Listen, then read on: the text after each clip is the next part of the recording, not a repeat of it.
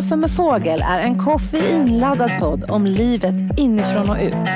Här träffar du mig och mina gäster och vi pratar om personlig utveckling, att uppfylla drömmar, mental hälsa, entreprenörskap och mycket mer.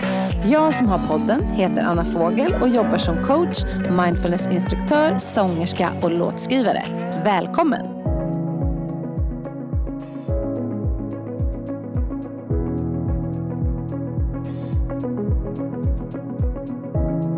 Dagens gäst i podden är Sandra Aggemo, känslocoach, föreläsare och dola, även kallad sårbarhetsminister. Och det är det vi pratar om idag, känslor och sårbarhet. Hur kan vi förstå våra känslor? Hur kan vi låta våra känslor finnas utan att bli för styrda av dem? Och varför tycker både jag och Sandra att ilska är en spännande känsla att snacka om? Gör dig redo för emotional empowerment med Sandra Aggemo.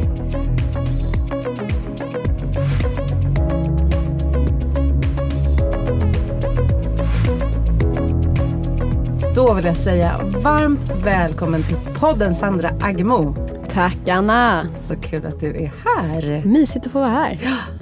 Jag tänkte börja med och eh, bara fråga hur är läget idag? Idag är det bra. Eh, jag har ju som vi har pratat om eh, lite ont i mina bröst. Mm. Eh, utöver det så är det bra. Det är eh, livet som kvinna Mm. har jag tänkt på faktiskt ganska mycket. Eh, det är mycket att förhålla sig till i kroppen. Oh ja. Mm. Sen brukar jag börja med att berätta för lyssnarna hur, jag, hur vi känner varandra, om vi känner varandra och hur vi har träffats. Minns du hur vi träffades första gången? Jag gör faktiskt inte det. Eller var det Best of you? Ja. Mm. På jul? Nej. Jag vet inte. Det är i alla fall via Best of You. Som är en, eh, som inte riktigt finns längre men som var en, både ett community och ett typ, eh, vad säger man, en plattform. Ja, en plattform. Exakt. Ja, för eh, hälsa och Mm. välmående. Där vi var flera coacher som var knutna till det. Exakt. Och där var vi med båda två. Men jag minns inte faktiskt när vi sågs live första gången. Oh, inte jag heller. Det känns som att du har funnits i mitt liv ett tag nu. Verkligen, jag håller med. Jo men du, vi tog väl en fika Ja. efter... Men var det att vi hade träffats på julfika hemma Nej. hos... Nej, det var inte det. Nej. Men vi tog en fika i vi tog en fika i Enskede. Det var så, det var började. det. Och jag Mm. tog en promenad från Bagis. Så var det. Skönt att ha vi rätt ut det. Ja. nu kan alla lyssnare slappna Ja, av. vad skönt. men jag ska också tillägga att jag har inte ont i bröstet. Jag tänker att det kan bli någon sån här äh, tanke om att har är hon gravid? Men det är jag inte. Nej just det, det var ju bra att du dementerade det ryktet så kvällstidningarna ni kan... Som att hela världen liksom cirkulerar runt mig. Ja, men nu kommer alla tro att jag är gravid. Ja, Precis. Ja. Mm. Nej men det är väl bra att säga ändå. Ja, men det... Men hade vi varit så här, Mia Skäringer och Anna Mannheimer så hade ju det blivit ett löp. Exakt, och det är det jag vill undvika. ja. ja, vad kul. Men eh, vi ska prata om något spännande idag, nämligen känslor. Jajamän. Och eh, jag tänkte faktiskt börja med att fråga dig, varför är det så viktigt att vi pratar om våra känslor? Ja, det, det enklaste och egentligen det bästa svaret tycker jag på det i min värld, det är att känslor är så starkt kopplade till våra beteenden. Det är så här, för mig har det varit eh, det jag kommer tillbaka till när jag får den frågan. Ehm, för att beteenden in, initieras ofta av en känsla. Om man tänker på våra så här grundkänslor som vi har så är det ju ofta så här, ska jag gå närmare det här eller ska jag, gå, liksom, ska jag backa ifrån det här? Är det någon fara eller vill jag komma närmare? Så att egentligen så här, att det är så starkt kopplat till ett beteende. Precis, alltså det är kopplat till beteenden. Superviktigt och också våra tankar påverkar våra känslor som påverkar våra beteenden. Exakt. Så att, att bara förstå hela den processen. Ja, åt andra hållet också. Att våra Ja. beteenden påverkar Ja. våra känslor som påverkar våra Ja. tankar. För mig har det tagit många år att Ja. fatta och jag kan fortfarande vissa stunder bara, just det. Okej, jag kan påverka mina känslor. Exakt. Mm, Okej, och det här beteendet kom från att jaha, jag, jag, jag hade lite ångest där vilket gjorde att jag drog mig undan. Mm, Okej. Jag behöver påminna mig hem alltså, varje vecka. Det är så otroligt viktigt. Alltså, och just att man kan börja andra änden. Ja. Du kan se Om du ändrar ditt beteende, vad händer då? Exakt. Mm. Vad tänker du då? Varför tycker du att det är viktigt att prata om känslor? Samma anledning som dig tror jag. Alltså jag jobbar ju jättemycket med mig själv och med coachklienter. Båda vi jobbar ju som coacher. Då jobbar jag mycket, väldigt mycket med begränsande tankar och hur de påverkar våra känslor och hur de påverkar våra beteenden. Och jag tror det är att det kommer från mitt eget liv. Att jag liksom upplever att mina känslor kring saker har styrt mig så otroligt mycket. I vad jag vågar göra och inte göra. Och när jag liksom kunde backa bak och titta på det lite på håll och förstå hela den här processen så fick jag ett helt annat liv. Eh, så det är nog grunddelen kommer faktiskt från min egen resa. Men sen tycker jag också det är så otroligt intressant med känslor, så här, vad vi vad vi etik- vad vi sätter etikett på är positiva känslor och negativa känslor.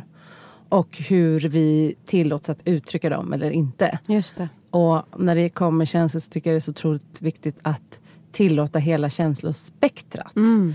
Och liksom se hur kan jag uttrycka de här känslorna Just på ett bra sätt. Mm. Eller bara för att förstå sig själv. Jag tror, hur kan vi förstå oss själva om vi inte förstår våra känslor? Ja, Går true, det true. ens? Jag tror inte det. Jag tror att känslor ger oss en, eh, en inramning av oss själva. Och, och inte för den delen att vi är våra känslor. Nej. Men det är fortfarande en fysisk och psykisk upplevelse i oss själva som kan berätta berättelser om oss själva, om våra upplevelser, om våra tolkningar, om våra dagar, om våra... Ja men egentligen så här totala upplevelsen av att vara jag. eh, Exakt. egentligen. Ehm, mm. Och att få känna sina känslor. I morse sa min son så här, det här är mitt bästa väder, sa han. Och det var dimma i morse och det var så fint. Och så gick jag ut på torget i Bagis och det var så här, inte så mycket folk och så var det lite så här regnigt och grått. Och då tänkte jag på det här vi skulle prata om. Att det är så här lite som vädret. Att det var något vilsamt i det här lugna och gråa. Precis samma som jag kan känna det är vilsamt att ibland få vara ledsen Just det. att så här, ständigt solsken och ständigt bara så här, jag ska bara vara glad, jag ska bara vara glad på ett forcerat sätt. ehm, kan jag uppleva blir lite stressigt. Ja, ja men exakt. Du vet, samma som så här, när det är de här jättevarma dagarna. Och det är så här, vi måste ut, vi måste ut, vi måste göra det här. Så jag fick den här kopplingen till vädret. Kan man jämföra känslor med vädret tycker du? Jag gillar den metaforen väldigt mycket. Jag har inte tänkt på det på det viset. Nej. Jag har i och för sig tänkt på, på väder och känslor utifrån det perspektivet att ibland brukar jag leka med tanken att när vi kommer in på att prata om väder Eh, man kanske träffar någon man inte träffat på länge och, eller någon som man inte riktigt känner. Så börjar man prata om vädret. Att jag brukar leka med tanken, tänk om vi skulle börja prata om känslor istället. För vi kan ju stå i, ja vilket dåligt väder och det här var ju eländigt. Bara, men vänta nu, är det här vädersnacket ett masker, en maskering för vad vi egentligen vill prata om? Just det. Eh, så Ja. så det, det är Vädret roligt. är en ursäkt för det som Exakt. pågår inom ja, oss. Då. verkligen. Mm. Så då tänker jag att om vi skulle tillåta alla väder och embracea alla väder, eh, också då kallat alla känslor, vad skulle hända då? Mm. Hur skulle liksom våra konversationer skifta? Hur skulle vår mänsklighet få ta plats? Liksom? Exakt. Tänker att det finns en idé om att trycka undan svåra, starka känslor eh, och att tycka vissa saker om dem, att de är fula eller fina. Eller, och vad händer med oss om vi börjar se det utifrån ett mer så neutralt perspektiv? Precis som du gjorde med dimman. Då, så här, hmm, vad finns här? Här känns det vilsamt att vara. Exakt. Nej, men jag gillar den metaforen. Det är, jag har hört talas om Lyckofällan. Ja. Det är ju också någonting som... Russ Harris, den boken. Ja men exakt. Mm. Där pratar han mycket om det här må bra-samhället och att vi på något sätt ständigt har premierat lycka som känsla. Eh, och vad som händer i oss när vi lever på det sättet. I Mm. att bara jaga lyckan som ett statiskt tillstånd. Liksom. Mm. Det tycker jag är spännande att tänka på. Där säger du verkligen någonting. Och, eh, jag brukar ju säga att en del av min utmattning var att jag hade hamnat i en positivitetsfälla. Berätta mer. Ja, därför att jag kom in i den, här vär- i den här världen vi är i med coaching och personlig utveckling och så här. Så finns det ju en del av den är väldigt driven mot att tänka positivt. Mm. Och jag är i grunden en optimist så att jag tror att en del av mig tänker positivt. Och när jag började gå på massa kurser och sådär så fick jag liksom någon känsla av att det värsta man kunde vara var ett offer. Mm. Och jag blandade liksom ihop Andemeningen var så här, du kan ta makten över ditt eget liv, which is a good thing. Men jag blandade ihop det här med att jag ska aldrig vara ett offer. Med att jag får inte klaga, jag får inte det. Med att i vissa lägen i livet så får man tycka synd om sig själv. Och du får tycka att du har det väldigt jobbigt. Och det är inte att vara ett offer eller att klaga. Så det blev ju ett undantryckande då av mm. känslor som hade behövt få ta plats. Ja. Så att jag är helt inne på din linje. Mm. Jag har liksom känt att, att börja hämta hem det här igen och få känna alla känslor och tillåta dem att vara där. Det är ju ett sätt att också vara snäll mot sig själv. Mm, verkligen. Eller hur? Helt klart. Mm. Ja, det, det jag påminns om flera saker när du pratar nu. Att jag tror det är där som många är lite rädda för när det kommer till att så här, uppleva känslor och förlösa känslor och gå in i dem. Att man är rädd för att hamna i en position där man upplevs som svag mm. eller som ett offer. Men det är verkligen tvärtom när vi börjar förstå att vi har ett helt känslospektra och att vi alla har det gemensamt. Då förstår vi också att vi har jag ska säga, makt att faktiskt påverka dem också. Så att det är en sak att så här, tillåta sig själva uppleva. Och när vi väl börjar tillåta oss, att ge oss tillåtelse att faktiskt känna. Då kan vi också förstå att, aha, jag är inte offer för det här längre och jag kan påverka. Jag kan känna det här men jag kan också skifta mina tillstånd. Och som du inledde det här samtalet med att jag kan låta andra saker i mina känslor styra mina handlingar. Så jag tänker att vi behöver sätta känslor i ljuset för att faktiskt se dem och kunna ta distans ibland. Kunna gå in och få känna men också bara så få, få se dem lite på håll, sätta ord på dem för att faktiskt kunna ta makten över våra handlingar. Jag tror att det är högst nödvändigt. Liksom. Ja, superviktigt. Och att de har ju ofta någon form av budskap. Oh ja. Så att, eh, precis som du säger, det är väl det här som är emotionell intelligens egentligen när det gäller ens egna känslor. Att kunna ibland behöver ta distans mm. och inte lyssna på dem och liksom bara titta på dem. Hej, du får vara där. Hej kompis, jag tänker göra det här ändå. Och ibland så är det läge, nej, nu, nu måste jag gå in i den här. Exakt. Jag ska gå in i den här och jag ska ligga hemma och gråta ikväll. Mm, verkligen. Liksom. Det, det tycker det, det, jag hade en föreläsning om, om känslor här förra veckan och det var en av deltagarna som fick en sån fin insikt tyckte jag när vi hade ett samtal. Hon sa det att aha, nu fattar jag skillnaden mellan att fastna i en känsla och stanna i en känsla. För det mm. tror jag också att många är rädda för, att fastna i ett visst tillstånd. Exakt. Man vågar inte gå dit för då tänker jag nej men då fastnar jag i skammen och då, eller då fastnar jag i ångesten och så. Ja, eller att man börjar älta. Exakt. Eller blir den här som bara klagar och gnäller. Ja. Det vill inte man vara. Nej men verkligen. men att det är skillnad att aktivt välja att gå in och stanna med en känsla, ha typ en dialog med mm. rädslan eller ångesten och faktiskt liksom närma sig den. För jag tänker att det vi vågar närma oss kan vi också påverka. Mm ju, alltså om man bara tänker rent logiskt, ju längre distans vi har från saker desto svårare är ju att påverka. Så jag tror att det är klokt, eller jag vet att det är klokt, att hålla även sitt mörker nära för att kunna skapa en sund relation till det. Mm, älskar det.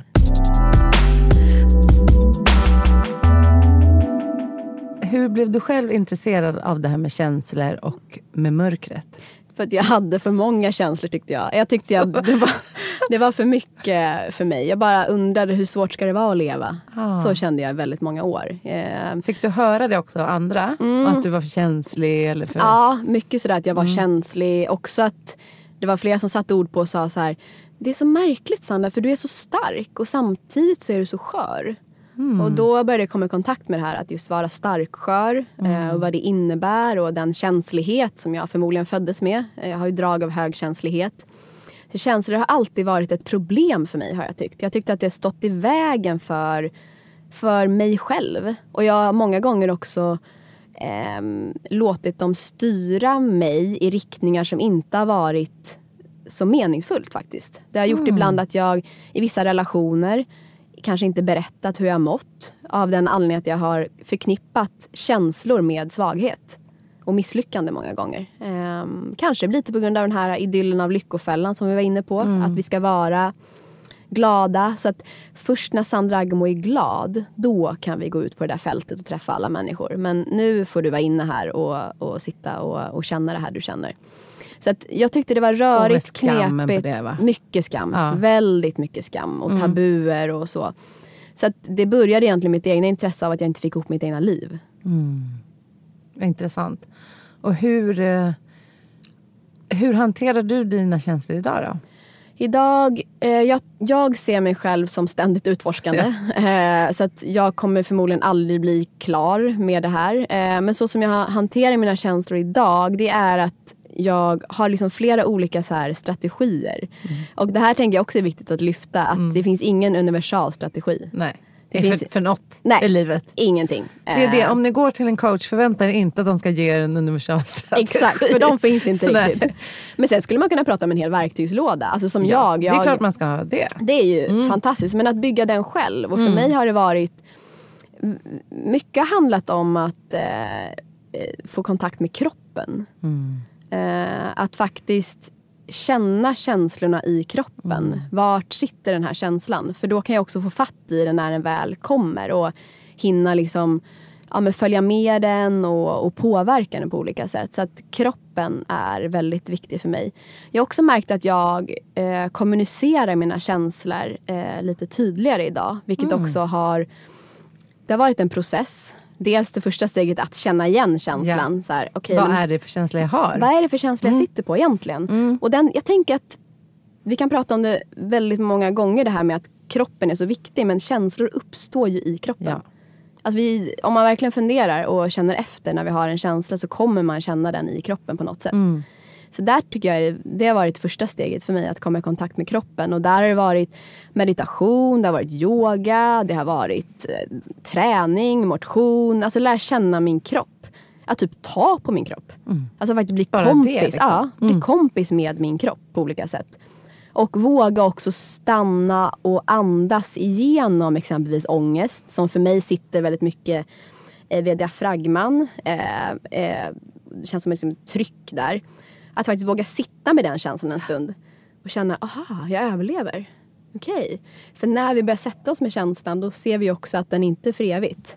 Exakt. Eh, Om vi inte- kan vara med den så kan den ju ofta försvinna. Ja. Så jag skulle säga att den, min så här hardcore-skola började egentligen med så här tio dagars meditation vid Passarna. Eh, där jag verkligen fick träna på att sitta med så många obehagliga känslor. Vilket jag tror var meningen för på den tiden, så, det här var ju några år sedan, så längtade jag jättemycket efter barn. Eh, så jag var ju i ganska djup sorg. Eh, så jag satt där på min meditationskudde. Vi var väl säkert 50-70 kvinnor eh, liksom jämte mig. Vi satt och mediterade. Och så kikar jag lite åt sidan. Så ser jag en gravid kvinna. Tittar lite åt höger. En till gravid kvinna. Oj. Och jag bara, oh, det här, så här ont har nog ingenting gjort. Och att då Vad tufft. tvingades jag ju in att ändå ha de här magarna som var som liksom spjut i bröstet. Men att sitta med den känslan. Och vi kunde inte prata med dem efter, det var ju tyst när vi var åtta dagar kvar. Det var ju bara knipa och liksom fortsätta. Så där började jag förstå liksom att jag överlever de här känslorna. Att jag kan sitta med dem och se hur de också klingar av och Du ebbar behöver ut. inte fly dem. Nej, exakt. Jag kan möta dem på olika sätt. Och det här med möta kan ju vara allt ifrån att sätta sig i en liksom, meditationsposition, men det behöver absolut inte handla om det. Det kan handla om att lägga sig ner i sängen eller att faktiskt bara i tio sekunder eh, säga typ tyst för sig själv. Nu har jag det här obehaget i kroppen eller nu känner jag det här. Nu ska jag in på det här mötet. Jag väljer det här tillståndet nu eller vad det nu kan vara. Men att bara, mm, vad säger man, recognize. Alltså, mm, Se eller... eh, ja. ja. Exakt. Acknowledge. Alltså, jag kommer också på engelska. är bara, det finns inga- Acknowledge. Det finns inget bra på svenska. Nej. Eh, ja, men vara med och se och notera. Notera kanske är ett bra ord. Jag har försökt hitta bra känns lite- svenska ord. Men ja. det, så det, det, det har varit en väldigt stor insikt för mig. Och sen, det, det har varit det första tycker jag, att faktiskt eh, ja, men recognize. Ja. Eh, sen kommer, tycker jag, sätta ord på.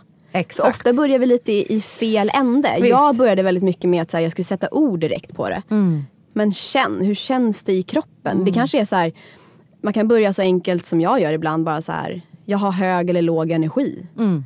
Eller jag känner ett obehag eller ett välbehag. Mm. Jag vet inte exakt vad det är för känsla. Det spelar inte så stor roll. Men jag Nej. vet att jag är i det här tillståndet just nu. Eh, vill jag göra någonting åt det? Vad skulle jag kunna göra åt det? Behöver jag bara vara i det här just nu? Där tänker jag att det börjar. Mm. Så att vi behöver inte hoppa över till det här steget av nu ska jag hitta det perfekta ordet för den här Nej, känslan. Exakt. bara vara med det som är även om det inte går att sätta ord på. Exakt. Och så ska vi tillägga att nu har du en Lycke också. Ja exakt. Lycke kom till världen. Ja, mm. och det fick ni kämpa en del för. Men ja.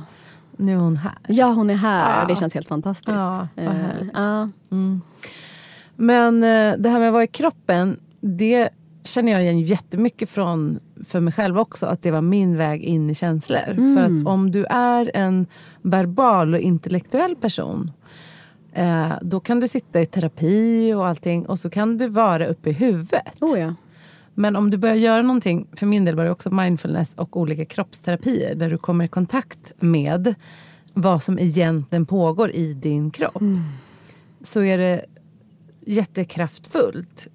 Liksom. Och jag säger inte att inte terapi och samtal är bra för även där kan man komma i kontakt med känslor såklart. Oh Men oh ja ibland om man, om man känner på sig så att det är någonting som gör att jag inte kommer vidare. Då tror jag att det är jättebra att göra någonting som, som du sa, som liksom, där du får mycket mer kontakt med din kropp. Mm. Och det kanske är dans eller meditation eller en massage eller mm. alltså vad som helst.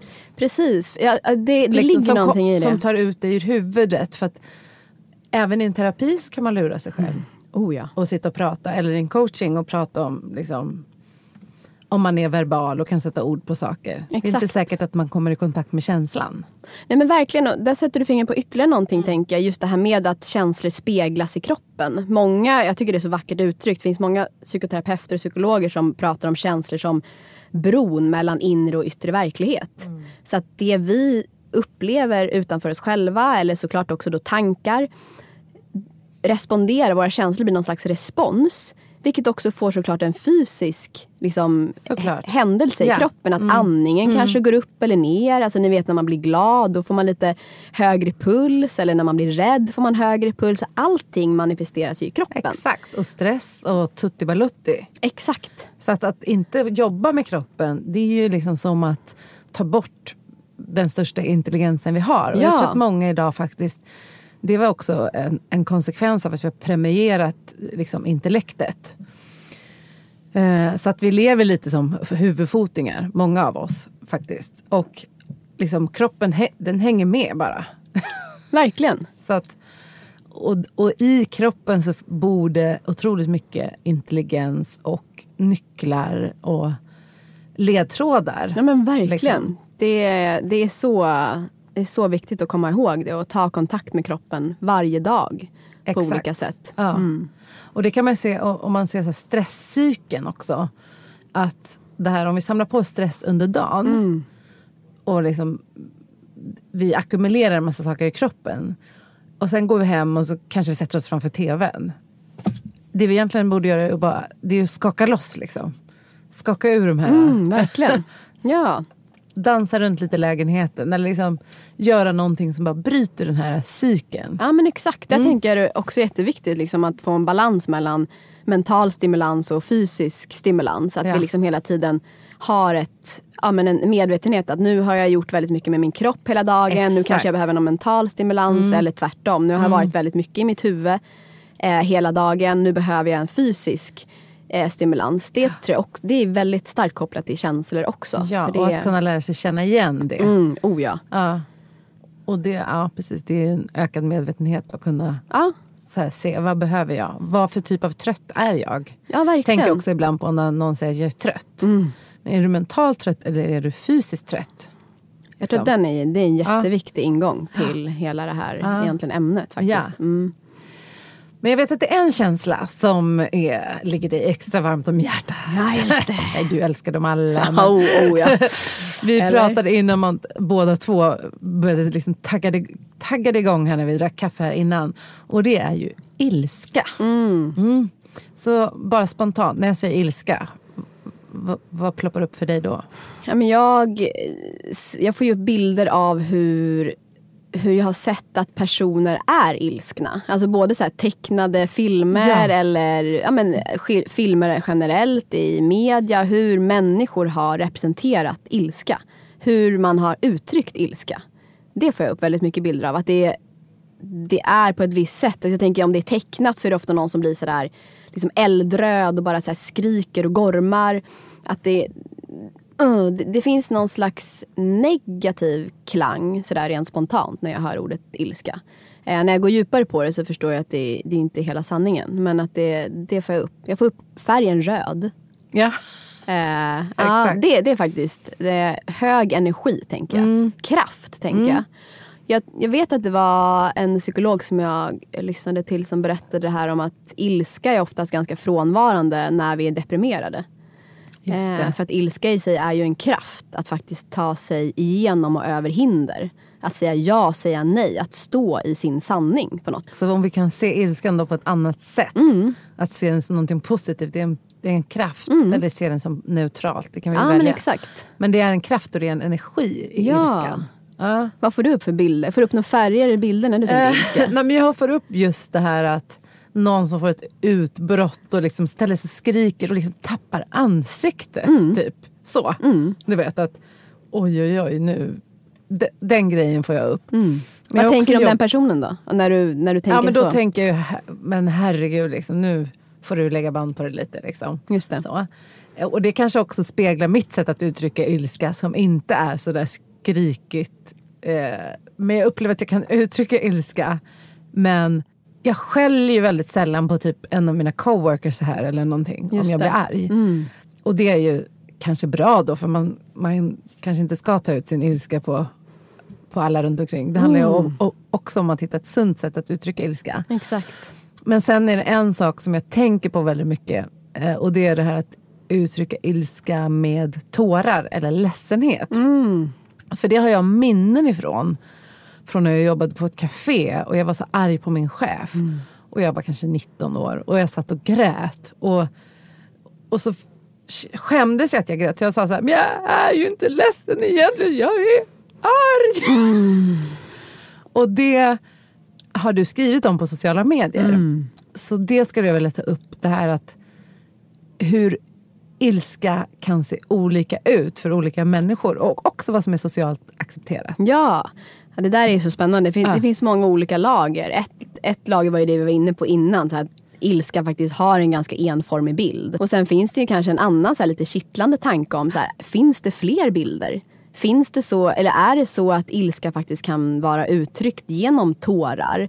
Att vi har olika sätt att uttrycka ilska. För mm. det var en, en kvinna som skrev till mig på, på Instagram där vi började ha den här diskussionen mm. kring att hon sa det att, nej men tänk om det är så att den här ilskan liksom kan förklä sig i olika, ja, men olika vad säger man, beteenden och, och sådär. Och att det inte är något fel i att den manifesteras i tårar. Precis. Att det är bara ett sätt mm. att uttrycka mm. ilska. Men mm. att vi återigen kanske har en bild av tårar som någon form av svaghet och att vi hamnar under någon annan i hierarkin om vi gråter. Ja, och det tror jag man upplever om man är en sån som då uttrycker ilska med mm. tårar så får eh, i alla fall jag, då kommer ihåg när jag var ung, att jag igen får den här, det här lite du pratade om att oh, måste du vara så känslig liksom. Mm. Att det blir något skammande i det. Och om vi kan se det som ett sätt att det här är bara ett annat sätt. Mm. Det här är bara ett annat sätt att uttrycka ilska. Exakt. Någon gormar och skriker, någon gråter, mm. någon biter ihop. Ja men alltså verkligen. alltså så här, och blir tyst och liksom håller... Uh, sådär. Det är ja, väldigt intressant om vi kan börja tillåta alla de här äh, uttrycken. Jag tänker också det. Och det är, man tittar bara på Greta Thunberg. Hon ja. är egentligen ett lysande exempel på det här med att faktiskt tillåta känslor även i professionella debatter och sammanhang. Jag Exakt. tänker vad händer om vi får fler Greta Thunberg utifrån den aspekten? Ja. Att faktiskt där man ja, visar sin ilska både genom ja, ibland tårar och ibland liksom, ni vet verkligen den här vet, stampa i, i marken, liksom arg men ändå nu får det vara mm, nog. Nu får det liksom. vara nog. Mm. Och så kanske man gråter mm. eller så. Eh, så det är ju verkligen en Ilska är ju egentligen en kraft som kan förändra världen, tänker jag. Jag Exakt. tänker att mycket förändringar startar i någons ilska. Alltså någonting oh, känns ja. orättvist, det är ett hinder vi vill ta oss över. Eller det här är inte okej, eller det här vill jag ha mer av. Mm. Det är egentligen en kraft. Verkligen. Eh. Hur tänker du kring ilska manligt och kvinnligt? Ja, det där är ju... Vad vi har blivit uppfostrade med. Ja. rent spontant får jag upp en bild av att, så här, att män ha, vi har sett fler arga män än vi har sett arga kvinnor. Och när vi har sett arga kvinnor så har vi kanske tänkt att oj, vad är det för fel på henne? Hon verkar lite neurotisk. Eller hysterisk. Hysterisk, liksom. ja, exakt. Lite, lite drama queen Ja. kanske. Mm. Eh, det är den bilden jag får upp. Och kanske åt andra hållet då när vi har sett ledsna män. Att vi automatiskt tänker att vad är det där för svag liksom, människa? Nu menar jag inte att det, alltså det finns den liksom, bilden av det. Var tog hjälten vägen? Liksom? Mm. Jo men Eh, att pojkar, det är liksom ryck upp dig och Ja, gråt inte. lite så. Sådär. Så jag tänker att det finns någonting Samtidigt kan jag tycka att det, det blir sådär äh, att vi också Ilska blir en känsla som tillhör männen blir också lite farlig. Att, det blir lite farligt att tänka så också tänka. Så att vi ehm, Många gånger hör jag kvinnor som liksom så här, nej men ah, han är så arg eller åh det blir läskigt när han är arg. Eller liksom Ja. att det finns någon slags här, något mystiskt och farligt med det här. Eh, men att det egentligen är en känsla som tillhör alla. Och då kanske det är mer hur personen uttrycker sin ilska. Verkligen. Apropå vad jag sa innan. Det är ju... Alltså jag tycker inte det är okej att bara skälla ut någon hur som helst för att man är arg. Eller att vara liksom här, väl arg mot sin... Alltså det handlar väl om uttrycket mer då. Verkligen, håller med. Än att känslan. Ja, många förtryckta känslor, alltså om man egentligen kanske är ledsen, kan ju ibland te sig i ilska. Det upplever Ja. jag i alla fall när jag länge har tryckt undan någonting. Så kan jag till slut känna mig som en ja, men typ tryckkokare som bara, ja det bara, det blir för högt tryck så blir jag arg istället. Ja. Eller irriterad kanske. Eh, och då, ja, då kan det verkligen rinna Mm. över. Precis, så att tårar och ledsenhet kan vara ett sätt att uttrycka ilska. Mm. Och eh, det här bägaren rinner över och man till slut får ett utbrott och blir arg kan vara också förtäckt ledsenhet. Mm. Ja Kanske. men verkligen, exakt. Eller hur? Ja, helt klart. Och så tänker jag också mycket på det här, jag vet att vissa män har pratat om det här att det även för dem kan kännas läskigt ibland att uttrycka ilska för att människor runt omkring dem blir rädda. Eh, och det var en jag lyssnade på som liksom sa det att så här, är man liksom väldigt stor i kroppen och man liksom har ett drag av att så här, ja, men man kanske bara är stor eller större än andra och samtidigt blir arg. Då kan ju väldigt många i omgivningen känna att det blir hotfullt. När den Exakt. personen liksom uttrycker starkt så här, nej men det här är inte okej. och du- Så att jag tänker samma sak där, att våga se bortom den fysiska kroppen och titta mer på vad är det den här personen försöker kommunicera. Eh, för där tror jag många män ibland kan hämma sig i, i sina känslor för att det blir, ja, det blir för man är rädd för vad omgivningen ska uppfatta den personen som. Precis, så att se bakom uttrycket. Ja men exakt, verkligen. Vilket, Tillägger då, det här tror jag inte behöver tilläggas, jag tror lyssnarna förstår det, att vi pratar om liksom ilska inom rimlighetens gränser. verkligen. Såklart. Alltså när vi pratar om de här kvinnor och män. Och Ja, helt att klart. Liksom, ah, bara få uttrycka vad man känner. Ja men ilska kan ju bli jättefarligt. Ja, alltså om menar vi det. pratar om, Ja. det är ju, herregud, det Ja. leder ju till allt möjligt. Ja. Alltså både brottslighet och, och våldsamhet och så Exakt. vidare. Men därför blir det så viktigt att också lära känna sitt egna känslospektra. Jag tror att om fler skulle börja våga utbilda sig mer i Mm. sitt känsloliv så skulle vi slippa de här, äh, men, de här kraftiga utbrotten. eh, Exakt. faktiskt. Så det handlar ju om att kunna uttrycka eh, sina känslor på ett sätt. Ja, vad ska jag säga om det? Jag vill inte säga balanserat. Vad är meningen? Vad heter det? Ta ansvar för? Nej. Ja, men precis. Att ta ansvar för sina känslor och kunna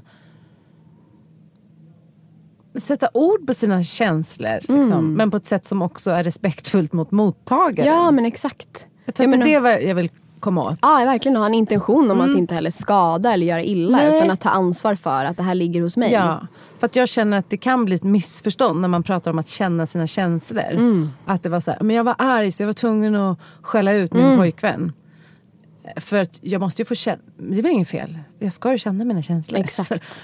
Alltså att eh, det handlar också om att göra på ett respektfullt sätt mot mottagaren. Men här är vi inne på något spännande tycker Ja. jag. För mycket när jag jobbar med mina egna känslor men också när jag jobbar med klienter så pratar vi mycket om värderingar kopplat till känslor. Att vi kan ju se på våra känslor som de största makthavarna i våran kropp. Vi skulle kunna hela tiden, så fort vi känner någonting, skulle vi kunna gå agera på det. Yes. Vilket kan bli väldigt farligt, skulle jag säga. Ja. Vi kan inte, alltså, på samma sätt som att våra, våra tankar är ju inte alltid sanna. Nej. Våra känslor är ju sanna, för de känns ju där de känns. Ja. Men jag menar tanken som har triggat det är ju inte sann Nej. väldigt ofta. Vi skulle kunna styra hela våra liv utifrån våra känslor. Ja. Back in the days så funkade det ganska enkelt. så Okej, det kom en björn, vi blev rädda, vi sprang. Eller det kom en person vi tyckte om, vi närmade oss den personen, vi förökar oss typ. Alltså det var ju väldigt, mycket mer Ja. förenklat då. Idag är ju, vi lever i ett helt annat samhälle. Ja. Det är helt annan stimuli, stimulans, det är helt andra, vi har en helt annan kognitiv förmåga av konsekvenstänk och, och så vidare. Så att det här, det blir ju inte lika enkelt. Vi har så många fler nyanser än de här grundaffekterna. Eh, så jag tänker att vi behöver, för min del har det varit viktigt att lära känna andra saker som kan styra våra liv än våra känslor. Typ värderingar.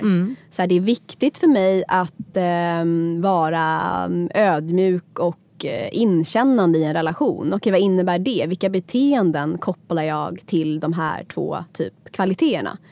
Och där blir det viktigt att ta ansvar för, för sina känslor. För om jag hela tiden då kanske ska ja, men, agera ut min ilska på ett sätt som jag inte egentligen anser som ett ödmjukt och respektfullt sätt. Då lever jag kanske inte enligt mina värderingar. ja, det var bra sagt. Ehm, Så att, att det är väldigt, tycker jag, hjälpfullt att se utifrån att okej, mina känslor är budbärare. Jag förstår att de kan komma med information, jag behöver ta ansvar för dem. Jag kan också titta på andra saker som kan styra mitt liv. Så som exempelvis värderingar. Jo, Sandra. Jag tänker mycket på känslor är också förknippat till sårbarhet. Och du kallar det ju även sårbarhetsminister. Och då kan jag inte låta bli att tänka på mod. För jag tänker också mycket på Brené Brown som pratar mycket om att mod kan inte finna. Du kan inte vara liksom modig om det inte finns sårbarhet inblandat. Just det. Och det här är ett av mina favoritämnen och jag tänker att du säkert också jobbar mycket med det som coach. Att man stöttar människor att bli lite modigare och i det också bli lite mer sårbar. Ja, exakt. För att när ska vi ska liksom utmana oss själva, kanske göra någonting som vi inte har vågat göra tidigare. Då kommer det komma som ett brev på posten att vi känner oss sårbara. Oh ja. Så jag är faktiskt nyfiken på dig. Finns det några tillfällen i ditt liv då du har känt så här, det är det här mod och sårbarhet verkligen möts? Ja, alltså dagligen nästan skulle jag säga. På flera olika sätt. Alltså, mycket av det har varit i att våga syna mina invanda beteenden. Wow. Utifrån mina, alltså egentligen så här, vad gör jag när jag känner mig känslomässigt blottad? Exempelvis, då har jag haft olika saker som jag gör, Strategier. strategier, som jag gör. Ja. Att våga syna dem och göra tvärtom. Och det är egentligen en daglig, eh, daglig process för mig. Att så här, okej nu känner jag mig låg. Min instinktiva liksom, idé vad jag ska göra är att typ dra mig undan. Eh, eh, att typ säga nej, att inte gå och träna. Eh, ja, men egentligen att så här, fly de saker som jag egentligen mår bra av. Att bara ställa sig upp och bara så här, nej men jag går till det här träningspasset ändå. Även fast jag har ångest just nu. Jag ska gå dit ändå. Det är för mig bland... Det, det kan låta liksom banalt för någon annan. För någon annan kanske det handlar om att gå upp på den där scenen och liksom våga hålla presentationen. Men det är inte någon big deal för mig. För mig handlar det om de dagliga små mötena med min egna sårbarhet. Att faktiskt så här, ja jag vill fly nu. Alltså jag vill så gärna fly. Och jag vill eh, typ... Dra täcket över huvudet. Exakt. Mm, Alltså verkligen. Men jag vågar göra tvärtom. Och ibland så självklart så behöver vi dra täcket över huvudet. Och då är det kanske det modigaste vi kan göra. Och det är ju det där att lära känna skillnaden. Exakt. Det är ju finlir. Det, det är jätte... Tänker jag på väldigt mycket. Att lära känna skillnaden. Men så här, är det här min magkänsla att jag inte ska göra det? Eller är det en rädsla? Är det min intuition? Liksom att hela tiden känna skillnaden. Ja, nu behöver jag återhämtning. Eller nu tror jag att jag behöver återhämtning men jag behöver egentligen gå och träna för jag behöver fylla på med energi. Exakt. Det där, men det där Alltså, är vet, ju... så här, nej, men jag är trött så jag behöver sova. Eller jag är trött, jag behöver träna. Jag är trött, jag behöver gå och träffa en kompis för då blir jag pigg. Och då kommer Alltså, vi, så ja men verkligen. alltså, Och då kanske vi kommer tillbaka till det där. Vilken typ av trötthet är jag är i? Är det den fysiska eller mentala? Exakt. Men det är ju hela tiden ett, Ja. ett finlir och Ja. en ständig liksom, dialog med sig själv. Eh, Det är det verkligen. Så att jag upplever att det är det som är det där mod och sårbarhet möts för mig. Att faktiskt våga syna mina automatiska beteenden och våga göra tvärtom. Exempelvis en tydlig grej för mig har också varit i relationer. Eh, framförallt i, i min och min sambos relation där jag, när vi Låt oss säga att jag kanske får kritik eller där, där vi hamnar i där vi är oense. Då har jag haft mycket automatiska beteenden i att bli sur eller kort och dra mig undan eh, och så vidare. Mm. Men då att känna det här hugget, det bara, nu känns det liksom obehagligt. Ja. Jag vill bara dra ifrån, härifrån eller typ stänga dörren och bara säga jag orkar inte prata om det här. Men att våga stå kvar då. Mm. Och bara, okej, okay, jag hör dig. Jag, jag, tack för att du berättar hur du känner. Eh, och bara våga möta det. Mm. Att våga bli större än sig själv. Visst. Och ta in det där. Det är för mig typ den största ah. sårbarheten. Mm. Att omfamna den typen av sårbarhet. Mm. Och inte behöva ha rätt. Jag har jobbat jättemycket med det där. Mm. Just med kritik och feedback. Hur reagerar jag på det? Om jag direkt går i försvar eller kan jag liksom... Eller om någon uttrycker det till mig på ett sätt som jag tycker inte är appropriate. Ja. Oavsett om det är en pojkvän eller en kollega. Om någon liksom är så här, då tycker jag det är så här, men det finns alltid sätt man kan säga saker på. Eller så kan jag stanna upp och se vad försöker den här människan säga bakom liksom beteendet och uttrycket. Ja men verkligen. Och våga ha en dialog kring ja, ja. det. Att uttrycka ja. det som, som, hen, som liksom, det som slog an i dig. Så här, dina tankar kring det. Och verkligen våga se bakom. Det, det, det är modigt för mig. Um, verkligen. Precis, och stanna kvar i det. Ja. För det är ingen av oss som tycker om att bli kritiserad ju. Nej, nej.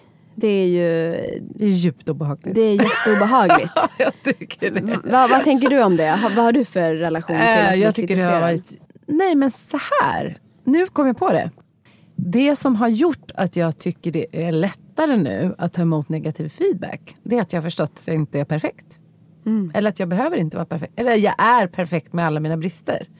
Oavsett hur man ser på det. Mm så tror jag att jag var ganska känslig för negativ kritik förut. Speciellt om det var ett område där jag upplevde att det här är jag bra på. Typ så här, jag är bra på att kommunicera. Och så säger någon så här, men du, jag tycker du kommunicerade otydligt i det här projektet. Då var det en sån stark eh, hot mot mitt, min självbild. Just det. Och då blev det väldigt jobbigt. Men mm. om jag ser på mig själv som, jag är en människa oftast är bra på att kommunicera men ibland kommer det upplevas annorlunda. Mm. Wow. Och ibland kanske jag inte gjorde det så bra. Mm.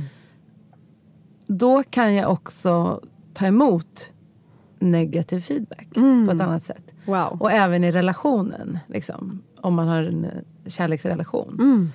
Om jag kan se att så här, min man älskar mig med alla mina sidor. Och, men ibland kommer jag göra saker som han stör sig på. Exakt. Eller där han inte känner sig sedd. Ja. Och det betyder inte att han kommer lämna mig eller älska mig mindre. Så det, det tror jag är både jobbrelaterat och personlighetsrelaterat. Mm, att, verkligen. Eh, om, man, om man tränar mycket självmedkänsla och man kan se på sig själv som en person som både som är fantastisk men som kommer kunna göra fel för vi är människor. Mm. Då är det lättare, tycker jag, att kunna hantera negativ feedback. Ah, det... Men om jag har en självbild om att jag ska göra allting perfekt. Då kommer jag inte kunna ta emot feedback på de områdena för det liksom hotar min självbild. Verkligen, det där, där sätter du fingret på någonting. Jag tänker mycket kring det här att exempelvis som för min del, det som har varit aktuellt där mm. är ju att bli mamma för första gången. Eh, att bygga upp en idé om hur, hur jag vill vara för, som mamma exempelvis. Och om någon då speglar mig i det så jag kan tycka att det är så djupt obehagligt. För att det, det, det, känns så viktigt för mig att vara en bra mamma. En bra mamma. Ja. Och särskilt mycket det här, jag är så ingrottad i känslor och validera känslor. Och så att där har ju verkligen varit ja, men sårbart för mig att mm. faktiskt våga syna mig själv. Och, och samtidigt tillåta så här, jag kommer inte, det är inte meningen att jag ska vara perfekt här. Nej. Här, det är perfekt som du säger att jag har mina brister och att det kommer bli fel. Exakt. Att och det är inte heller meningen att du inte ska tycka det är jobbigt att få feedback. För det har jag också tänkt. Att så här, ja, men, jag tycker det är skitjobbigt men det är väl ingen som tycker det är kul att bli kritiserad. Exakt, att även tillåta det obehaget. Det sa faktiskt det. lärarna på min coachutbildning. En mm. sak ska ni veta, alla människor säger att de älskar att få feedback. Men det är ingen som gör det. Alltså, det där är ju största längden. Och, det tyckte jag, och alla säger så här, men jag vill gärna ha feedback på det här. Och så får du negativ feedback. Nej, det är inte kul. Nej. Och, och jag tycker det kan få vara så här, Det är fan inte kul men det kan vara utvecklande. Men låt det, låt det vara bara det det är. Men där, där, där kommer vi in till essensen. om, man- Ja, om man tänker kring exakt. det här med känslor. Ja. Återigen så här, kopplat både till värderingar och känslor. Så här, det är viktigt för mig att få feedback för jag utvecklas. Ja. Det kan man sätta då som en så här, eh, viktig värdering för Ja. en. Och det kommer innebära sjukt jobbiga känslor. Och det är okej. Det är liksom inte meningen att vi på det här jordelivet ska så här bli kvitt obehaget. Nej, För exakt. saker som betyder någonting kommer kännas. Ja, Det kommer göra ont. ja. Det är ju så bra. Det är verkligen, och där, där är vi ju liksom Vi är ju tillsammans i det och Ja. där tänker jag att det är viktigt varför vi har den här typen av samtal Ja. kring känslor. För att om vi går runt och tror att målet är att bli kvitt allt obehag. Och att alla andra troligtvis är kvitt allt obehag. För så Exakt. ser det minsann ut. Ja, exakt. Då, är vi bara, då går vi bara en illusion. Där vi Ja. bara låtsas att saker och Exakt. ting är på ett visst sätt. När det inte ens är så. Ja. Och vad skönt det vore om man kunde säga det. Typ så här, om någon frågar så här. Om, låt säga att jag skickar min låt till dig. Och så säger du så här. Är det okej att jag ger lite feedback på din låt Anna? Vad skönt det vore om jag bara kunde säga då så här. Vet du Sandra, det här, jag tycker det är så jobbigt. Men varsågod. Ja, Men det gör vi ju inte utan då säger jag. Ja visst, jag vill gärna ha feedback. verkligen. Men det, kan, det vore väldigt befriande om människan kunde säga då. Det här är obehagligt. Verkligen. Jag tror att det är det Och då kan behöver. vi också bli lite mer varsamma i hur vi ger feedback. Håller helt med. Där sätter du fingret på någonting. Det, då börjar vi äga det där obehaget och faktiskt också på något sätt inse att det är en del av att vara mänsklig. Att saker och ting känns. Ja. Eh, och att bli kritiserad och få feedback på det sättet. Det är Det kan vara djupt obehagligt. Det kan det verkligen vara. Alltså verkligen. Ja. Speciellt av sin partner. Exakt. Man bara, "Åh." Ja, men gud vad intressant alltså. Gud vad vi pratar. Ja, För att det är så kul. Det kan prata kul. hur länge som helst med dig Sandra. det är samma här. Det är, och det här med känslor, det är ju... Ja, det går ju att prata. Vi behöver ha fler samtal om det. Verkligen.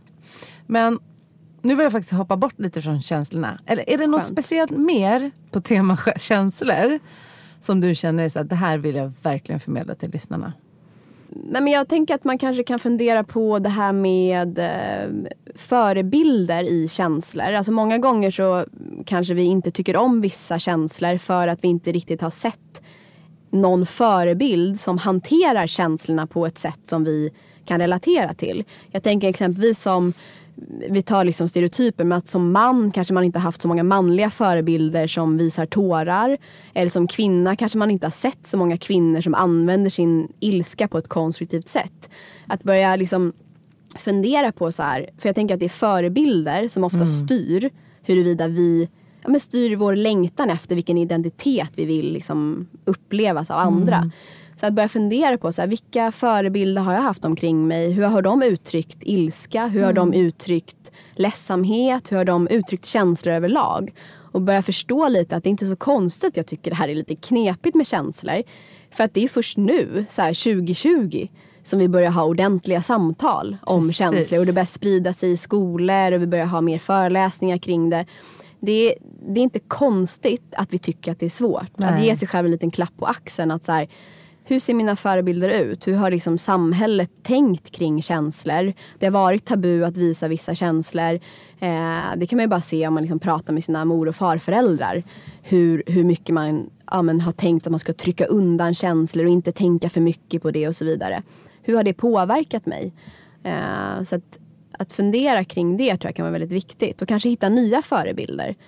Eh, att dra sig till sammanhang där vi tränar på att uttrycka våra känslor. Ehm, och där finns det ju väldigt många, jag tänker dels det här initiativet Storebror. Eh, om ni har kanske sett det på... Det är Navid Modiri Ja men exakt, Mm. precis. Det tänker jag är ett ypperligt liksom, sammanhang att få Mm. träna på och se andra män uttrycka tankar och känslor som generellt sett kan ses som tabu i samhället. Mm. Och även då initiativet Stora Syster för kvinnor att faktiskt börja ta ansvar för det som känns och gå ut i världen som den nya förebilden. Och den nya Mycket hjältinnan bra. eller hjälten. Ja. Eh, det Mycket tänker jag är bra. jäkligt viktigt. Ja. Ja.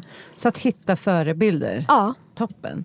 Kan det också eh, finnas en funktion att fundera på hur vill jag uttrycka mina känslor? Oh ja, Alltså så här, hur vill jag uttrycka min ilska? superviktigt. Och börja träna på att så här, tweaka sina automatiska beteenden. För jag tänker att mycket det, när vi är i ett känslotillstånd, Mm. sker ju väldigt automatiskt. Ja. Så är vi väldigt ledsna eller väldigt arga, det är ju väldigt svårt att då tänka till. Liksom. Mm. Men om vi kanske har tänkt före. Så här, hur vill jag uttrycka mig om jag inte känner mig sedd i min Mm. relation? Hur vill jag uttrycka mig om jag blir arg på en kollega? Och börja jobba mer strategiskt med Det- sina känslor. Kan man göra det Sandra? Det, det, det är jätteviktigt. Mm. Eh, det är en stor del i, jag gillar att kalla det typ emotional empowerment. Yes. Att egentligen ta, att känna att man har makt. För det vet man ju själv hur stressad man kan känna av att inte uppleva att man har makt. Så att, att våga intala sig själv att jag har makt att ta ansvar. Jag har möjlighet att ta ansvar för mina känslor. Så jag tänker att en, ett sätt att göra det kan ju vara att utvärdera ibland. Att så här, ja men shit, igår blev jag arg eller igår kände jag mig stressad eller igår blev jag ledsen. Vad hände liksom? Hur kände jag? Hur betedde jag mig? Är det i linje med, med mina värderingar? Ja, nej. Hur skulle jag kunna göra annorlunda? Och samma sak där, att prata med andra människor om huruvida man skulle kunna uttrycka sina känslor. Så det tycker jag, det ligger en del i att faktiskt våga vara med sina känslor i stunden. Men att faktiskt också göra en utvärdering.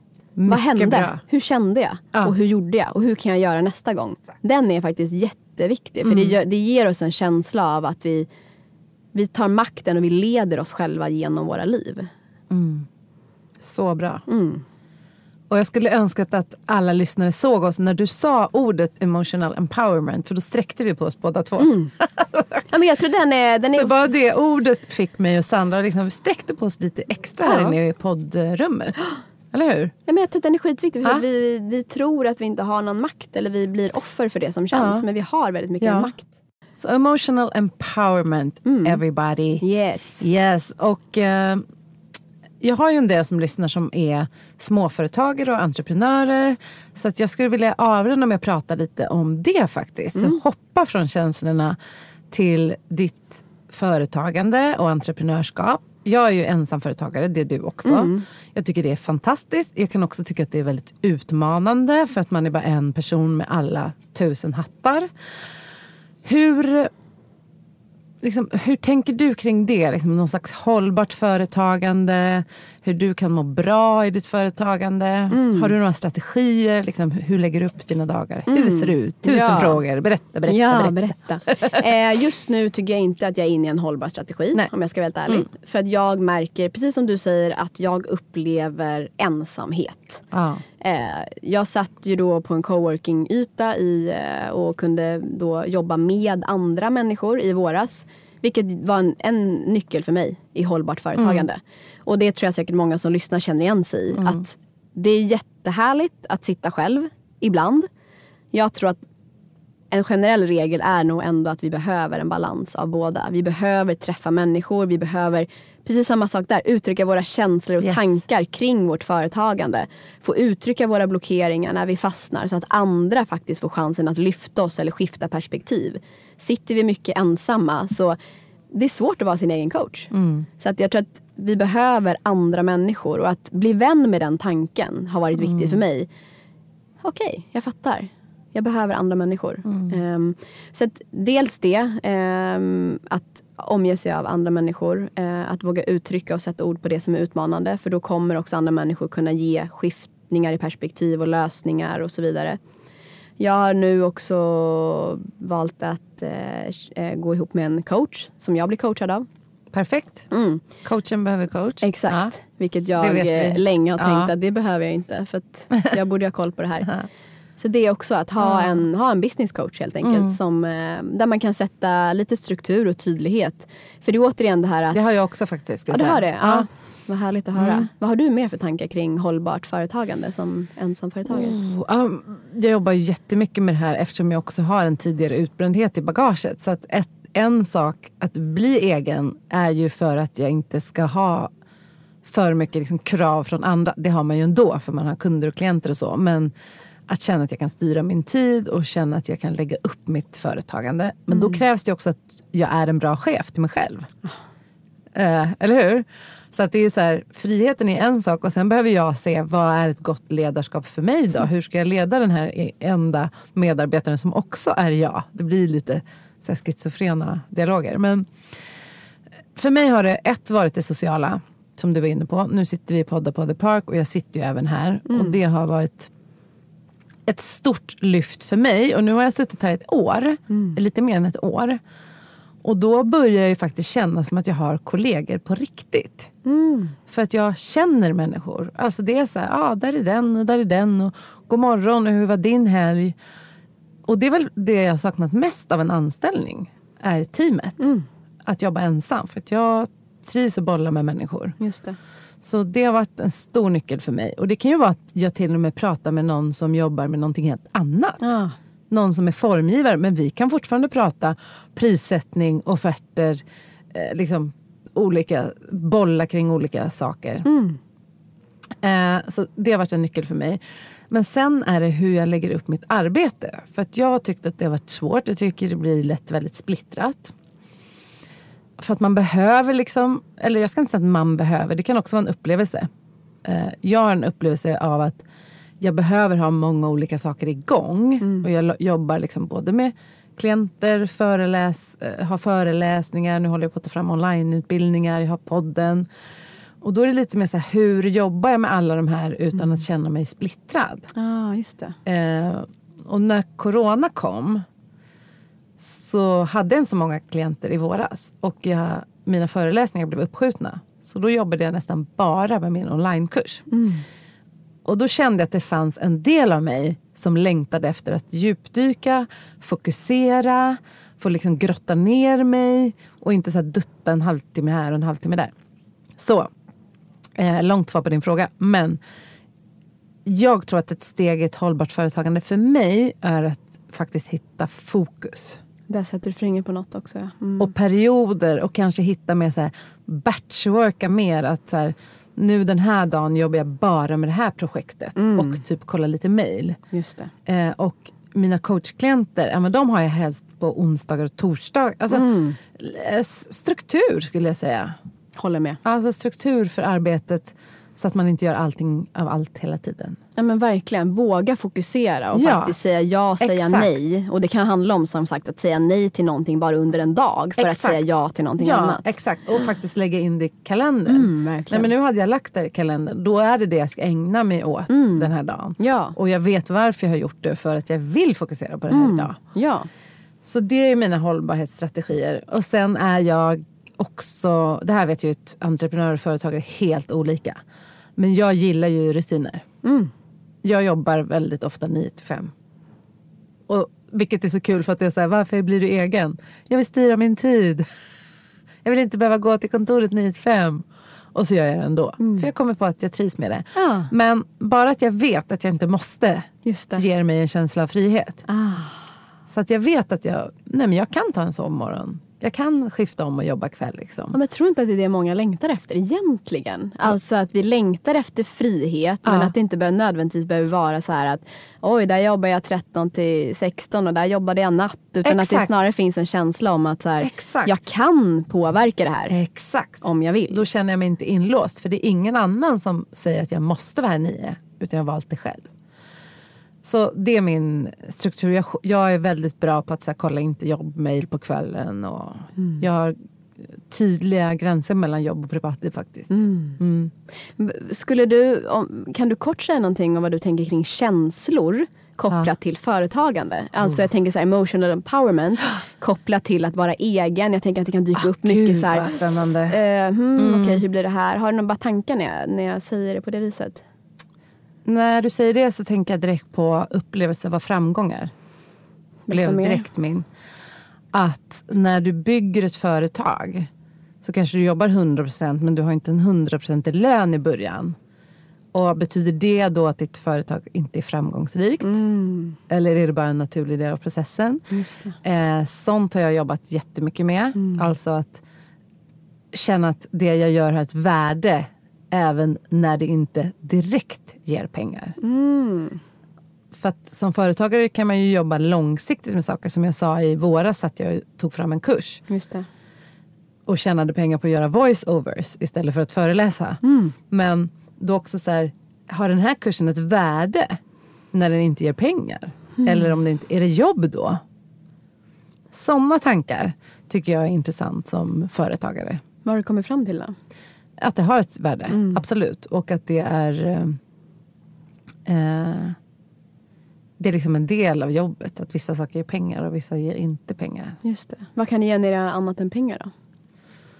Eh, ja, men värde till både sig själv och andra tänker jag. Men hur tänker du kring det här? Har du tänkt någonting kring de här frågorna? Jo, verkligen. Ibland, Mm. ibland tänker jag att jag inte har ett riktigt jobb. När, jag, det. när det inte finns en direkt koppling till pengar. Ja. Att så här, idag Ja. drog jag inte in några pengar. Nej. Eller så. Ja, har du då jobbat? Då, nej, då tänker jag ibland att jag inte har jobbat. Nej. Helt ärligt. Eh, så det är någon slags känsla av att man går i någon slags bluffkostym av mm. men jag har ju inget riktigt jobb. Så den tror jag är superviktig att ringa in. Eh, och att som du säger att egentligen allt som kommer till oss, allt som cirkulerar kring oss har ju ett värde. Ja, ja. Antingen ett direkt värde eller ett potentiellt värde. Ja, ja. Så det är någonting som jag tror för mig är väldigt viktigt att påminna mig själv om. För att Ja. annars kan jag känna att det känns otroligt meningslöst att Det är göra vissa saker. Superviktigt. Ja, exakt. Vi sitter här och poddar idag. Mm. Jag tycker det är extremt värdefullt. Men jag tjänar inte pengar på att sitta här idag. Exakt. Men jag tänker att det finns ett värde i samtalet mellan oss. Och för lyssnarna finns det också ett värde. Ja men verkligen. Så jag tror att det är en Ja. balansgång mellan det här. Att, men också att våga berätta tänker jag så här att jag vill ha pengar. Ja. Alltså att faktiskt våga prata om Ja, pengar som värde. exakt. Mm. Så här, jag vill omsätta det här och det här. Jag vill att den här kursen ska generera det här. Det är ju en del. Ja. Men att också våga jobba sig igenom de dagarna och perioder där det inte är direkt generering av pengar. Det är ju Exakt. också en eh, Ja, och viktig det, del. det är viktigt att du var tydlig med det. För att nu låter det som, alltså både du och jag, eh, man gör ju saker som ger pengar och saker som inte ger pengar. Mm. Liksom, i, I ett företag. Som jag tänker att de flesta företag gör. Ja. Alltså vissa saker gör du för att marknadsföra dig. Eh, vissa saker gör du du bygger upp någonting som under tiden när du bygger ger inte pengar men kanske ett halvår senare ger det pengar. liksom. Verkligen. Så att det är den där balansgången. Eh, men jag tror att det är viktigt att prata om för att jag tror att det är vanligt att människor kanske känner sig misslyckade i början av ett företagsbygge till exempel när man inte har hunnit få sin kundkrets. Om man ska lägga ner allt det här att faktiskt, ja men du ska kanske göra reklam för dig själv eller göra saker Ja, som, där du inte direkt ser resultat. Resultaten kanske kommer om inte vet jag, ett år, två år. Exakt. liksom. Verkligen. Det där tror jag är, Ja. det är en viktig dialog att ha företagare sinsemellan Ja. också. Och att våga ifrågasätta också så här, vad ska jag säga ja till, vad ska jag säga nej Exakt. till. Eh, för att jag menar någonstans eh, så behöver vi också våga syna så här, men okej nu har jag bara sagt ja till saker som faktiskt inte genererar några Exakt. pengar alls och det tar ändå upp min tid. Visst. Vill jag göra allt det här eller men att, och, våga liksom göra den analysen. Eh, Superviktigt. Mm. Har du gjort några sådana prioriteringar? Ja, men på senaste tid så har jag väl insett att jag eh, jag har varit lite all over the place. Mm. eh, och känt mig splittrad. Så att jag har börjat backa tillbaka till mig själv bara nu senaste egentligen två veckorna Ja. Mm. tillsammans med min coach. Då, Att ifrågasätta, så här, men vad är det egentligen jag ska fokusera på? Vad är viktigt att säga ja till? Vad är viktigt att säga nej till? Mm. Ehm, och att en del i att vara företagare handlar om att verkligen våga säga ja och våga säga nej. Så viktigt. Det är att Ja. ja, prioritera Mm. helt enkelt. Och det är typ först nu som jag börjar fatta hur viktigt den, den delen är. Liksom. Precis. Och det handlar ju om en förståelse för att oavsett vad min vilja är, oavsett hur kul allting låter, så kommer jag ha begränsat med tid. Ja, exakt. Om jag vill ha tid för min familj, jag vill ha det här fri, liksom, jag vill inte jobba dygnet runt. Eh, jag gjorde faktiskt en sån grej som var jättebra. Det var en annan podd jag lyssnade på. Peppministeriet heter hon nu. Det hette ett annat namn förut. Hon hade gjort en liksom tidsbudget. Att så här, under hela september, typ, titta på mina projekt. Hur många eh, timmar tar det här projektet? Hur många, eller hur många dagar? Ah, Okej, det där projektet tar tre dagar. Det där projektet tar tre dagar. Hur många dagar har jag kvar för extra saker? Och det var så intressant för då gjorde jag det och insåg att så här, okej, jag är fullbokad den här månaden.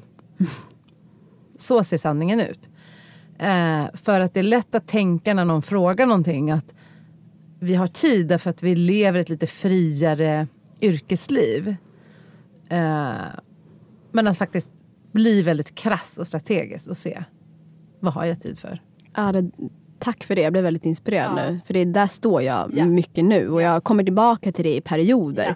Och behöver påminna mig själv liksom, kvartalsvis om den här. Eh, det är skitbra. Det är Bra. mycket bra att se så här, vad du ska fokusera på. Och jag har själv valt att jag fokuserar nu på färre saker. Mm, Eh, och ger det mer av min kraft och energi. just det. Och det känner jag bra, apropå empowerment och Mm. makt. Så känner jag mig mer eh, empowered och mer att jag har makt över mitt liv när jag har färre saker. Som jag också kan ge en hundraprocentig chans. Liksom. Mm. Wow, det där. Ja. Mm. Så det är, du har helt rätt. Säga ja och säga nej. Mm. Så himla viktigt. Mm, det är det. Och då kommer det ibland, vi får också återigen då ett obehag. Ja. Ett påslag av obehag Ja. när vi säger nej. Ja. Vad händer nu när jag säger nej? Jag fick Ja. ju den här möjligheten. Vad händer när jag säger nej? Mm. Och samma sak åt andra hållet. Va? Shit, nu sa jag ja. Mm. Och att stå med det obehaget. Eh, jag tänker att det är återigen det här med känslor. Att de uppstår och går. Eh, men att våga stå kvar i det där och uppleva. Superviktigt. Och det Mm. får vara mitt sista ord till lyssnarna. Att det är lätt, när vi håller på att förändra ett beteende, så är det väldigt lätt att tro att när vi känner obehag så är det fel. Exempel då, sätta en gräns. Så tänker du att om du inte är van att sätta gränser och så börjar du sätta gränser så tror man liksom på något sätt att det ska vara lätt. Nej, det kommer vara skitsvårt. För att det du har gjort, din strategi du har gjort förut är ju att när du känner ett obehag så säger du ja. Ja, För det blir tillfälligt. Tillfälligt kommer undan obehagskänslan. Ja. Men du kommer kanske stå med projekt som tar tre månader som du inte ville ha. Eh, så att det är ju nyckeln är, det här är så kul för att jag pratade med Heaven Bereket, en gäst, eh, om pengar just ekonomi. Och så pratade vi om meditation så sa vi, ja men kanske hela syftet med meditation är bara att stå ut med massa obehag. Ja. alltså typ, jag tänker att vi landar där mycket nu också, att det är att stå ut med obehagliga känslor. det, det är nyckeln till så mycket i vårt Ja. liv. I och med att vi ser den här starka kopplingen till våra beteenden. Ja. Så är det ju det Ja. här att faktiskt, om vi hela tiden ska fly obehag, Ja. då blir det ju Ingen förändring. Nej, Nej. och det, jag skulle, det vet ju både du och det skulle vara jätteskönt att fly hela tiden. Ja, Gud Alltså ja. det är ju jättehärligt Ja. att dricka ett par glas Ja. vin hela tiden när det liksom, ja. så. Eh, men det, det kan vi ju inte liksom, det Nej. funkar ju inte, det är inget hållbart Nej. liv. Så Nej. vi behöver ju träna på att vara i det här obehaget Ja. och inse att vi överlever det. Ja, och det är kopplingen till kortsiktig och långsiktig belöning också. Verkligen. För de här gränserna vi sätter när vi är obehag i stunden kommer ju göra att vi frigör mer tid på annat. Mm. Liksom, vi har skapat någonting bättre för oss själva på lång sikt. Ja, verkligen. Ja. Mm. Det är det det handlar om hela egentligen när man pratar om känslor. Det är egentligen om att skapa ett meningsfullt och mer långsiktigt hållbart Yes. liv genom att faktiskt bli vän med obehaget, våga stå där och stå kvar. På Ja. så vis kan vi koppla an till våra värderingar egentligen. Ja. Mm. Eh, vad är viktigt för mig på riktigt? Och då kommer det kännas obehagligt. Det är så det är. Mm. Deal with it. Ja. Och ta Deal små steg. Exakt, deal with it. Och ta små steg. Men också, jag tänker det vi inte har berört nu under det här samtalet är ju kopplingen till kanske anknytningsteori och det tycker jag inte Ja. heller vi behöver gå in på. Men så här, bara en förståelse för att, att stå i obehag och att uppleva vissa Mm. olika känslor har ju ibland en mycket djupare Ja. grund i hur vi har haft det när vi var små. Hur människor såg på oss när vi blev arga eller när vi satte gränser. Så att det ligger ju väldigt djupt både också kopplat till trauma och så vidare. Så att det är ju inte heller meningen att så här, banalisera. Nej, eh, men exakt. eh, Så när jag säger deal with it så gör jag det väldigt eh, kärleksfullt. ja. Och att alla av oss, även om vi har liksom ett trauma som ligger eller små trauman, att vi Mm. kan ändå våga välja modet och prova vad som händer. Mm. Och precis som du säger, små, eh, små steg och lite i taget. Och trygga rum. Det får vi prata om en annan gång. Det gör vi verkligen. När vi pratar sårbarhet, det behöver inte betyda att man delar allting med alla eh, på sociala medier. Det kan hända att man faktiskt bara ringer en vän. Exakt. Ja, och det jag tänker, ja, och ibland kanske inte ens är att vi ringer en vän. Nej. Ibland handlar den svåraste sårbarheten om mötet bara med dig själv och den obehagliga Visst. känslan. Exakt. Att du tar emot feedback i din ensamhet med någon. Alltså, det behöver inte betyda att du då sitter på en scen och Nej. frontar inför alla. Utan Nej. det är faktiskt de här små stunderna av ovisshet, risktagande och känslomässig utsatthet. Det kan du uppleva i din ensamhet. Du kanske får ett meddelande, du sitter själv i soffan och du upplever skam. Eller oro eller stark ångest. Att våga sitta kvar med det är ju också en liksom, modet att vara, vara sårbar. Och bli större än det och också välja sitt agerande. Verkligen. Sandra, jag känner att du kommer få komma tillbaka. Jag har så mycket jag vill prata om med dig. Vi har ju våra egna privata konversationer som har handlat om allt från humor och kreativitet oh. till att fortsätta prata om ja. känslor. Så att eh, vi får väl liksom ta en ett till tillfälle helt det enkelt. Det tycker jag. Ja, humor har vi inte ens tangerat idag. Nej, herregud. Det tar vi en annan gång. Ja, mm. Men eh, till lyssnarna då, var hittar man dig i sociala medier? Man hittar mig, jag är mest aktiv på Instagram, mm. Sandra Aggemo. Eh, där hittar man mig enklast. Där man både kan, man får gärna skriva ett meddelande eller kommentera något man gillar. Eh, man kan också gå in på min hemsida, sandraagemo.se där mina tjänster finns, föreläsningar, coachingprogram och så vidare. Det skulle jag säga. Sen har jag även eh, en Facebook-sida som fortfarande heter Agimo coaching. Eh, så man får jättegärna ta kontakt med mig på vilket sätt man, man vill där. Gör det och jag kan säga att det är jätteinspirerande att följa Sandra tycker jag. Så att eh, gå in och följ och ta kontakt och eh, om ni har några frågor efter det här avsnittet så har jag en mejladress som kommer i slutet. Och eh, jag vill tacka dig Sandra för att du kom till podden.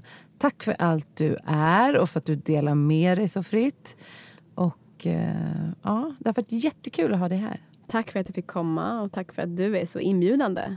Ja, tack. tack. Och tack till lyssnarna. Mm, tack lyssnarna. Hej då. Hej då. Hej då. Hej hej.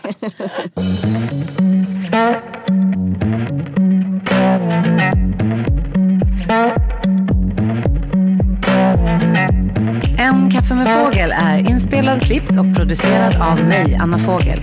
Följ gärna podden på Instagram, at en kaffe med fågel.